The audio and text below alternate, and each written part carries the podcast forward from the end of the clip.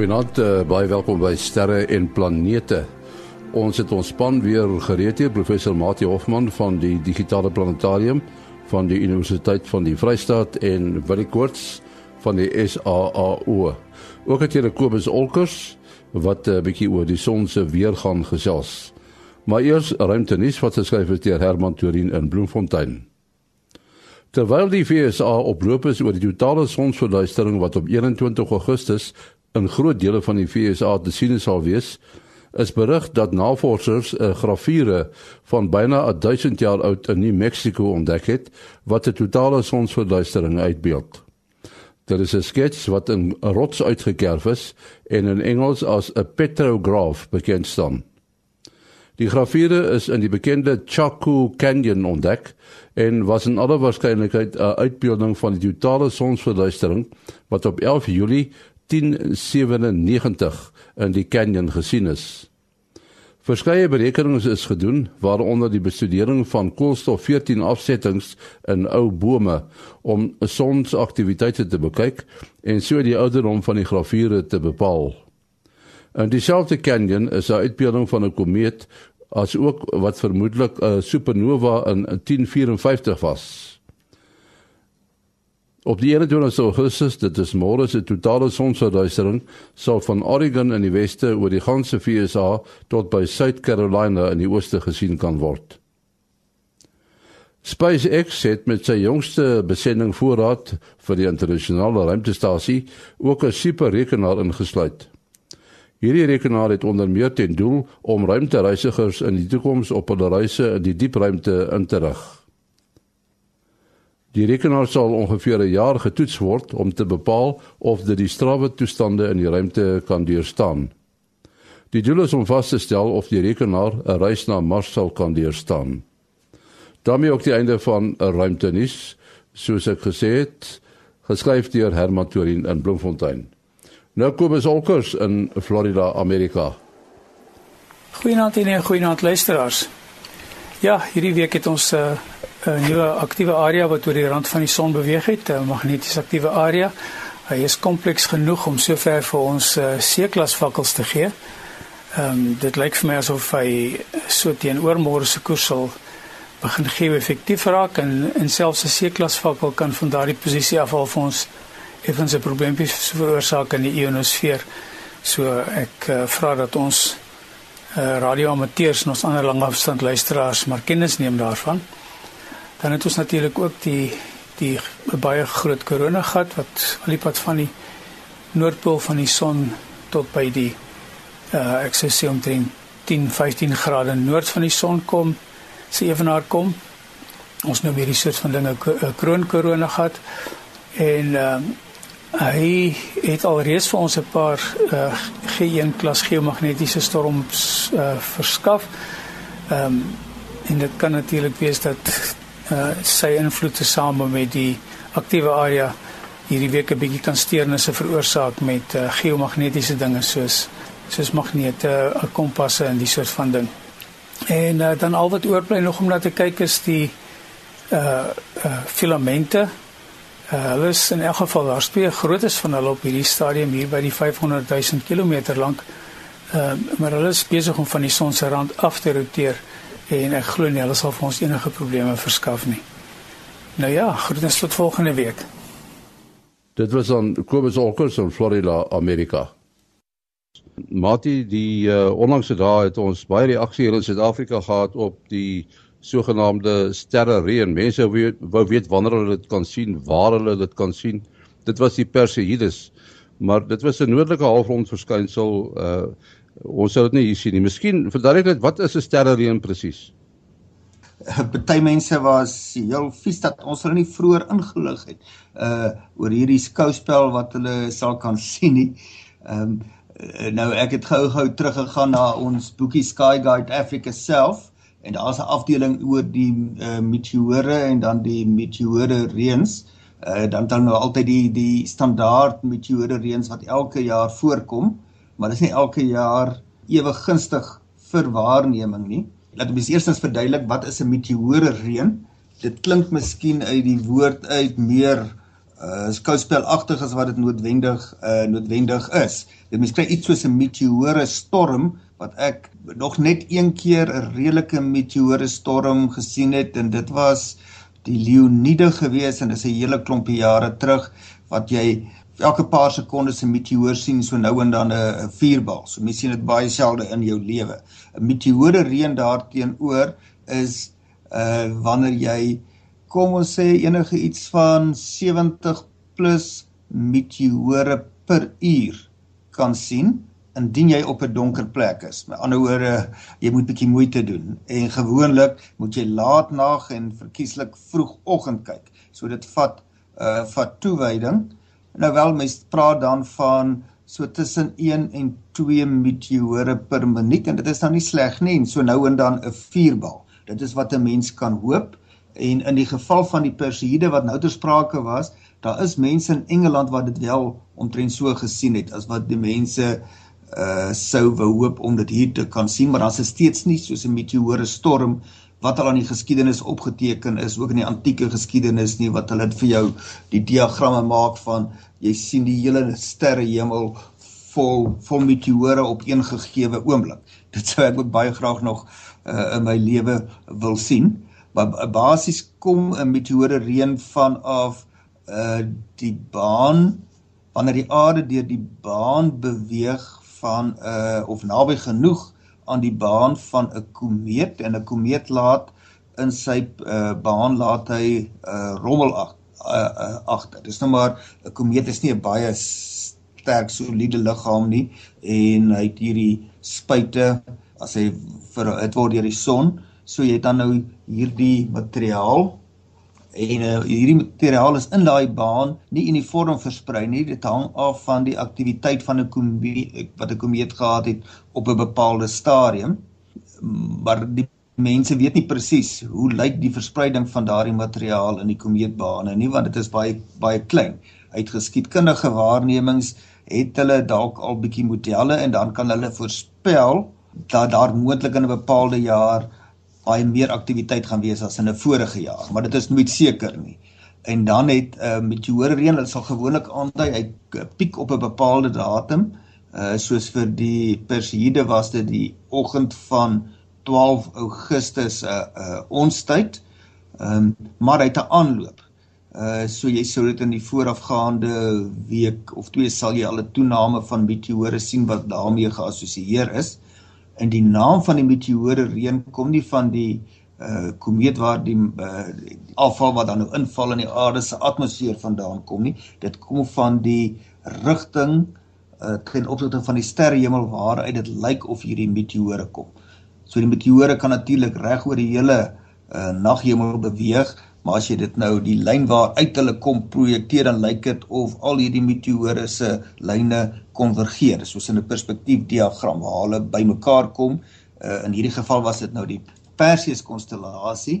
En die Perseus konstellasie lê baie ver noord vir ons en uh, hy het baie uh, hy het eers in die vroeë oggendure as ek nou reg onthou jy wil jy kan my daar reg help het hy eers regtig bo ons horison verskyn. En dan was dit nou ook baie laag geweest. En in daai tyd was die maan ook al baie hoog op in die lug en was taamlik vol. Ja dit is interessant uh Tim Cooper uh hy is nou al die jare die persoon by die sterkundige eenheid van Suid-Afrika wat al hierdie inligting bymekaar gemaak het uh, self 'n baie ernstige uh hoe, hoe sal mense hom noem sterre reënkyker as daar so 'n woord is. En uh um, ongelooflike klomp inligting by bymekaar gemaak. Uh weet ook op ons Facebook bladsy 'n hele klompie goeie insette gegee. En en toe hy uh, uh ges, toch al geskryf dat ehm um, die verlede jaar uh was die hoogste wat hulle dit ooit gesien het. Nou hier's natuurlik nou 'n klomp ernstige mense wat ry rondom die wêreld sit uh wat dit goed bestudeer. Uh verlede jaar se piek was 196 per uur. Uh wat op 'n ja, dis redelik hoog natuurlik en en maar dit is natuurlik nou nie nie noodwendig vir vir 'n baie lang tyd nie. Dit sal dan nou van die noordelike halfrond af gewees het. Ja, hy het nie spesifiek hierso gesê nie, maar ehm um, so vir jaar wanneer dit nou die ergste in mense jeugennis was. Onthou nou hierdie was amper verlede was amper 200 per uur op maksimum. Uh vir jaar was 114 per uur. So uh, ja, so dit is natuurlik nou weer 'n bewys dat hierdie sosiale media ding is is maar nou net nie die waarheid die mens moet maar altyd bedag wees op hierdie goed se aanstuur vir alles dit sê stuur soveel vir soveel mense aan moet jy dit altyd altyd uh um nooit in ag neem en dan wat ons ook gekry het is is soos wat jy nou gesê het ek het self baie uh navrae gekry en en die meeste mense het die aand van die 12de Maar as hulle mooi gelees het in die eerste plek, dit wys dit vir jou hoe goed lees mense. Ek wil nou nie hulle in die gesig vat nie, maar dit het gesê die oggend van die 13de. Uh ek dink mense is so verblind deur al hierdie ander goeters wat die beste in in, in 96 jaar ensovoort dat hulle heel blind geraak het om te kyk, weet presies wanneer om te kyk. Uh uh so ja, so maar soos maar jy sê jy jy dis 'n aanloop en dan is daar ook 'n afloop op die op die ou end. Ja, ek het so 'n bietjie gaan kyk, is interessant. Uh Komeet Swift Tuttle is nou verbind met hierdie uh, uh, sterrereën en uh, dit is die grootste komeet uh, waarvan ons weet wat sterrereëns veroorsaak. So die komeet is hier in die omgewing van 25 km in deursnee. So dit is gelykstaande aan die een wat die dinosourusse uh uitgehaal het. So 'n klompie jaar terug het uh, het hulle bereken dit kan moontlik die aarde tref. Gelukkig toe hulle nou weer mooi die sommetjies uh gaan doen toe hulle nou die baan beter bepaal. So nou in die jaar 344 a 3044 uh ek hoop ek gaan mee dan rond wees nie. Uh gaan die gaan dit gaan dit die aarde nou skrams mis. Nou ja, die komeet self is is in 1862 ontdek en hy het 133 uh jaar, so hy's in 1992 uh was dit nou die die tweede keer gesien uh uh en vir die mense wat lank genoeg kan uithou uh, twa, uh jaar 2126 kom hy nou weer hierso verby. Uh uh en die jaar net na hy ontdek is uh, in 1993 so mense kan nou dink soos ons nou nog gepraat het van die verspreiding van die uh van die rommel in die baan. So mense sal verwag reg agter die komeet gaan daar redelik rommel wees. So die die jaar uh na hy nie ontdek is nie, ekskuus, na hy weer hier verby ons sou kom, so hy's in 92 hier verby en in 93 het hy 'n baie mooi stormpie gegee van 300 uh per uur. En dan dan hulle nou sy baan teruggevolg. Hulle kon hom 2000 jaar omtrent terugvolg en toe het hulle aantekeninge gekry van 'n uh, 'n uh, 'n uh, 'n komeet in 18 uh, in in die jaar 188 na Christus uh wat definitief uh Swift-Tuttle moes gewees het en ook die jaar 69 voor Christus gelukkig het die het die hemel baie gereelde reëlmaat. Ja, en wat Mati ook nog gesê het van die eh, die beste in mense jeugennis ooit. Nou hy het nog gepraat van die Leonidas wat nou hier in November voorkom. Nou in die jaar 1833 was daar 'n uh, 'n meteorstorm en dit hierdie was nou regtig 'n storm uh, uh, uh, eintlik meer as 'n storm ek weet nie wat wat is hoër as 'n storm nie. Um en die hoeveelheid meteore per uur kan natuurlik nou nie regtig bepaal word nie omdat dit so hoog was. So daar is uh skattings van tussen 100 000 per uur tot 240 000 per uur. So ons praat hierso van 30 40 per sekonde. Ek meen die die hemel was regtig aan die brand gewees. Mense het gedog is die oordeelsdag uh ensovoort. So uh, uh daar selfs een kalender kalender het soort van aan die gang gekom en toe hulle nou hulle amper soos ons jaar 0 uh, uh van van die geboorte van Christus wat natuurlik nou ook ons ons sien dit intussen nie heeltemal reg uitgewerk nie maar hoe dit ook al sê die kalender uh, uh, is toe is toe geherset dat hy met die jaar 1833 begin as gevolg van hierdie verskriklike storm in mense jeugennis. Ja, Mati, mens moet miskien net sê wat is 'n meteoor eintlik? Dis 'n stofdeeltjie, nê? Nee? En dan kry mens die vuurballe, die onderskeid. Ja, ja, die die meteoor is nou maar daai ligstreep wat 'n mens sien wanneer hierdie klein stukkies materiaal uit die uh ruimte uit deur die atmosfeer val. Dit kom teen 'n hoë spoed in en daai spoed is veral hoog in die vroeë oggendure want dan beweeg die uh, dan kyk die aarde in die rigting waarin hy beweeg. En dit beteken die relatiewe spoed met hierdie uh voorwerpe is groter as wat jy nou vroeg aan sou kyk. Dan kyk jy so half loodreg op daai bewegingsrigting of uh, selfs effens in die teenoorgestelde uh rigting. Nou wanneer so 'n voorwerp teen 'n spoed van 50 km per sekonde of vinniger inval, dan kan die uh atmosfeer nie vinnig genoeg pad gee voor dit nie. Uh, so dit druk ons nou wil die atmosfeer wegdruk. Maar so die effek is dat dit baie baie vinnig saamgedruk word. En as jy uh, 'n uh, gas baie vinnig saam saamdruk dan word dit uh, vuurwarm.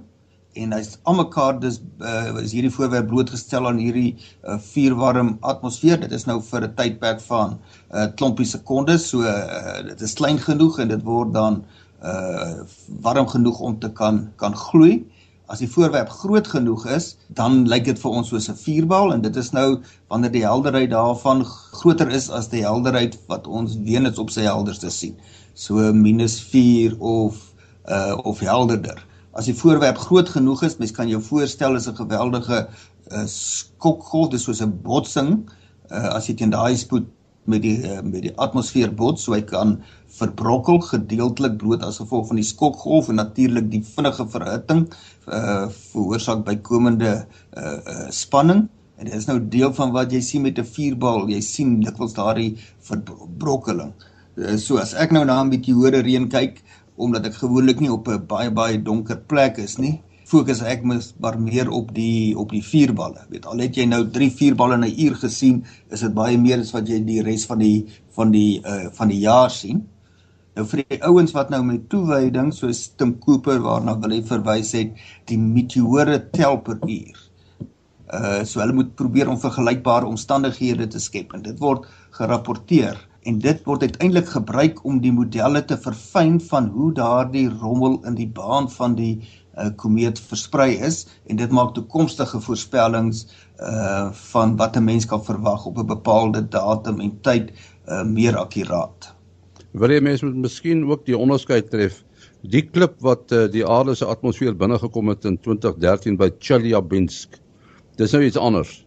Ehm um, so dit dit sal dan meer na asteroïde. Ja, daar's nou ander ander woorde ook vir hierdie verskillende tipe eh, klippe. Ehm um, so so in die geval praat ons maar meer van 'n komeet. Nou uh, een van die eenvoudigste maniere om aan 'n komeet te dink is 'n vuil sneeubal. So die vuil gedeelte is dan die die die uh uh basies stof en jy kan amper dink aan aan grond. Dis soos 'n planeet wat nou nog nie gevorm het nie, so jy het nog iets so 'n bietjie amper dis dit is natuurlik hoekom dit ook bestudeer word uh want dit is uh basies die uh, uh moet maar die oer uh goed waaruit die aarde en die planete gemaak is uh veral die veral die die uh die wat so met terrestrial planets die die wat die rotsagtige planete. En um en dan die die sneeubal gedeelte is dan die uh gasse wat gevries is. So buite in die ruimte is dit natuurlik baie baie koud en uh, gasse in daai toestand sal in 'n in 'n vriese fase wees in 'n in 'n gevriesde fase. En uh, so wanneer die komeet ver van die son af is sal uh, uh, hierdie uh, gevriesde gasse wat nou die die klomp stof dan daar vashou sal dan uh, redelik onaktief wees en dan soos die komeet dan nader aan die son kom, die son begin dit warm te maak en uh, jy kry dan dat uh, hierdie gasse begin begin te smelt.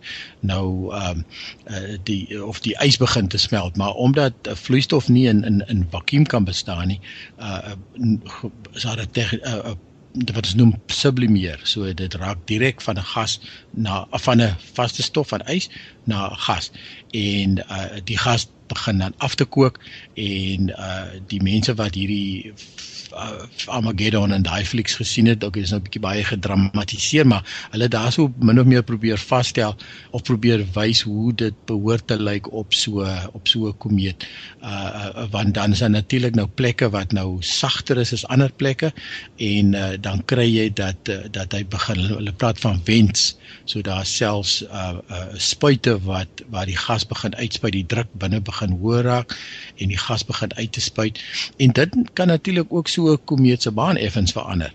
En uh, dit is hoekom dit altyd uh, moeilik is om presies so 'n komeet se baan uh, vas te stel in die toekoms in. Ehm um, wat jy kry effense effense uh, uh, um, kragte wat op inwerk terwyl hy om die son beweeg en dan natuurlik dan soos wat hy verby ander uh um, hemelliggame beweeg soos die ander planete uh kan hulle ook sy baan effens verander. So die uh dit is hoekom dit nie net kom mense net altyd sê ja maar die sterrekundiges kan mos maar net die sommetjie maak en bepaal wanneer gaan iets die aarde tref. Maar die die sommetjie is nogal nie net 'n een lyntjie sommetjie nie, dit is nogal 'n taamlike ingewikkelde sommetjie. Maar nou hierdie Chelyabinsk klip, uh, dit was nie 'n komeet nie. Nee, nee, dit was sover ek kon vasstel was. As 'n gordel gekom blykbaar. Dit is korrek. Ja, en so dit was meer 'n meer 'n wat ons nou sal op die, op die ou noem 'n meteoriete sê op die aarde val. So dit was dit was 'n baie meer soliede ding en van hulle kry jy natuurlik nou ook jou rotsagtiges en dan meer jou metaalagtiges en dan ook 'n mengsel van die twee. Ehm um, en ek as ek dit reg onthou was daardie uh uh um uh voorwerp meer 'n rotsagtige uh gewoonlik as so iets dan die aarde sou tref uh, uh, in die atmosfeer self breek hy op soos wat ons gesien het op fotos. En uh meeste van die tyd as hulle die aarde tref uh dan sal hulle heeltemal disintegreer dat daar gewoonlik baie min oor is van die oorspronklike voorwerp. Ek het nou ander dag 'n videoetjie gesien wat gedeel is op uh, uh, Facebook van 'n meteoriet trend so groot soos 'n sokkerbal wat in 'n ou se erf sou geval het en hy was sommer nog in vlamme so 'n meter diep gat geval. so dit is nou uh, een van enigste van uh misleidende of bloot fopnuus. Uh, dit is eintlik sterk genoeg gestel nie, nê? Maar uh uh wil jy meer hê uh, uh inligting oor die temperatuur wat weet as iets nou so groot soos uh sê soos jou face nou dit sou maak tot op die aarde se oppervlak. Is so 'n voorwerp nog vuur warm op daai stadium of het hy al redelik afgekoel? Ja, dis 'n goeie vraag. Uh, en selfs die die snelheid waarmee hy uiteindelik val. Uh dit is dit is alles ek het um ook so 'n bietjie al gelees daarop en en natuurlik terwyl hy inval deur die atmosfeer ek sien nou inligting hier oor die Persie het hulle hulle sê tipies en nou kan jy nie dit is nou amper net hierdie uh, uh amper stof ysdeeltjies wat nou in inval. Um en en hulle skat hulle bereik uh temperature van so 1600 grade Celsius. Uh, uh maar okay, hierdie is nou net netlik jou hierdie kleiner deeltjie. So so wanneer so 'n uh, 'n uh, 'n klip tipies die atmosfeer inval, gaan die gaan die temperature baie hoog raak. Ek het nou nie die presiese getalle nie, maar dit sal in die duisende grade Celsius wees. Um maar soos jy sê, dit, uh, dit bereik op 'n stadium 'n grenssnelheid en uh en ek dink dit is ook hoekom daar nog nooit uh vreeslik aangemeld daar sover ek weet dit nog is daar nog nooit 'n mens wat deur iets deur 'n uh, meteoriet getref is oor dood as gevolg van dit nie. So dis eintlik 'n baie veilige ding om om daar buite te word. Jy het, jy het baie ander goed wat 'n groter gevaar is ja, ek, wat jy wat jy sal tref. Ja. Ek het gelees van 'n vrou wat uh, dis nou net enkele jare gelede wat wasgoed opge uh, opgehang het en toe op die arm getref is. Ehm um, ek weet van 'n hond wat al uh, dood uh, ge, uh, geslaan is deur 'n meteoriet en 'n perd wat getref is in 'n motor in Amerika. Daar's so 'n paar sulke voorvalle. Maar ek het nog yes. nooit ge, gehoor van iemand wat een wat pas geval het, opgetel het en gebrand is daar daardeur nie. Daarvan het ek ja. nie gehoor. Jy het nou almal gehoor van uh, die uh, sterre en planete boek wat op die oomblik in wording is soos Mati en Willie daar sit, sit hulle met penne wat vuur warm is. Hulle is hard besig om te skryf. Interessant ook van hierdie boek is dat ons uh, die deelnemers aan die program en dit is nou uh, Willie Koorts, uh, Mati Hofman, uh, Kobus Olkers en uh, Japie van Sail elkeen 'n uh, eie stem gaan gee. En uh, elkeen gaan sorg vir 'n paar hoofstukke wat hy nou uh, baie ernstig bestudeer en oplees.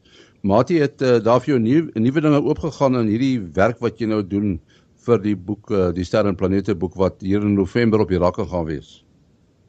Uh ja, en dis daar 'n ongelooflike storie weer die ontwikkeling van die sterrekinde oor 'n paar duisend jaar en al vinniger en vinniger vir al die laaste paar eeue om dan nou nie eers te praat van van ons eie uh leeftyd nie. Ehm um, so die die die wetenskap en die uh, insigte wat daai uit na vore gekom het is op sigself uh verstommend, maar van die mense en die instellings wat dit gedoen het is net so so interessant. So ek dink uit die verskillende hoeke wat ons skryf van dit ons eie belangstelling en ervaring, gee dit maar 'n bepaalde 'n uh, blik op hierdie 'n uh, uh, wonderlike verhaal van die van die sterrekunde. En soos wat ons nou maar weet met enige menslike aktiwiteit uh mense van alle soorte het maar ook baie nonsens deur die eeue gepraat en mettertyd uh is die kaf van die koring geskei en ons is nog steeds nie by die volle waarheid nie maar ons verstaan daarom tog al verstommend baie van uh van hoe die heelal werk sy struktuur van hoe uh wat sterre is. Um en dan vanuit my eie ervaring uh die bydrae wat die twee sterrewagte in Bloemfontein gemaak het is nou vir my 'n spesifieke belangstelling, maar dit is tog vir tog iets waarvoor mens uh, op mens kan trots wees dat ook hier uit Suid-Afrika uit was ons op ons manier 'n uh, belangrike deel van die storie in die moderne era en dan begin ek nou die moderne era in die in die 1800s al. Weet die uh, wil jy weet nou baie meer daarvan, weet die Kaapse sterrewag was aan al 1820s daar uh Bloemfontein se sterrewagte het eers in die 1920s gekom 100 jaar later. Ja, en uh, wil jy daar gaan ook seker vir jou dinge oop uh, soos wat jy skryf nee, want jy konsentreer nou spesifiek op teleskope Suid-Afrikaanse sterrekunde nê. Nee. Ja, dis korrek en en nou moet 'n mens omdat jy nou die ding op papier vaspen, moet jy uh, seker maak van jou feite. So ek vind jy kan nie sommer net gaan sit en begin tik nie. Jy jy het so 'n idee wat jy wil sê en en uh maar geduldig moet jy maar gou-gou gaan Google en gaan boeke oopslaan en gaan kyk wat het wanneer presies het 'n ding gebeur en wat was voor 'n ander een ensovoorts. En uh en wat ek ook probeer doen is is om die uh soos jy nou ons nou reeds genoem het, ek is nou verbonde hier by die Sterrewag en uh, 'n uh, klomp uh, wat hulle in Engels noem institutional knowledge, jy weet jy was hier toe salt gebou was, toe salt beplan was. En uh, jy weet wat voor wat dit vooraf gegaan in die modelle wat hulle wat hulle eers gebou het in die uh, tipe teleskope waarna hulle gekyk het en op 'n kolsou salt in in Namibië gestaan het en al sulke klas van goede. So dit is dis daai tipe van goedjies wat ek nou weer loop opdiep en en probeer bymekaar sit om om uh, om so bietjie bietjie ook nie die geëikte pad te probeer nie, maar so 'n bietjie 'n uh, interessante kinkel te gee. Ja mense, Mati loop natuurlik die gevaar as 'n mens so 'n boek skryf dat jy in 'n sekere sin tydgebonde is want ek dink Japie het al daarvan gepraat as jy met 'n sekere tegnologie werk moet jy 'n afsnypunt hê want uh, in die loop van die volgende 12 maande het daar 'n hele klomp nuwe dinge ontstaan wat nie bygewerk is nie. Ja, dit is ab absoluut so is. Ehm um, wat ek nou probeer doen is om die temas te laat aansluit ook by van die nuutste ontdekkings. Maar soos ek sê, elke week is daar nuwer ontdekkings, so jy moet iewers 'n afsnypunt maak. Uh so mense wil daarom behalwe inligting wat uh uh generies is vir die sterrekunde, die groot storie, maar dan uh uniek aan Suid-Afrika, maar dan ook uniek aan aan ons tyd. Uh, uh, uh iets wat vir my ook interessant is en ek nou diep oor gedink het is uh, dit daar's geweldig baie moeite gedoen uh en opofferings gemaak. Dink nou maar net aan die koste en die die die die vindingrykheid wat nodig was om sal te bou. Hoekom doen die mense dit? Hoekom uh, was dit reg nodig? Uh, uh ek dink dit gaan daaroor om, om te probeer verduidelik hoe die die verskillende deeltjies van die legkaart. Uh, jy het baie baie deeltjies nodig om dit om by mekaar te kom. En dit was nodig om al meer en meer waarnemings te kan doen versprei rondom die aarde, versprei oor lang tye en dan uh, uh, al daardie bykomende inligting maak dit moontlik dan om vrae te beantwoord wat mens gedink het onmoontlik sal wees om te beantwoord. Die tyd het ons ingehaal ongelukkig soos elke keer. Ons het nog baie oor te praat, maar ons moet maar wag tot volgende week. Wat is jou besonderhede, Willie? Ja, mense kan bel WhatsApp of SMS 072 4579208. 0724579208. En dan Mati? Uh nee 0836257154. 0836257154. En my e-posadres maas.henny@gmail.com. maas.henny @gmail.com. Ons is volgende week terug soos beloof. Tot dan, mooi loop.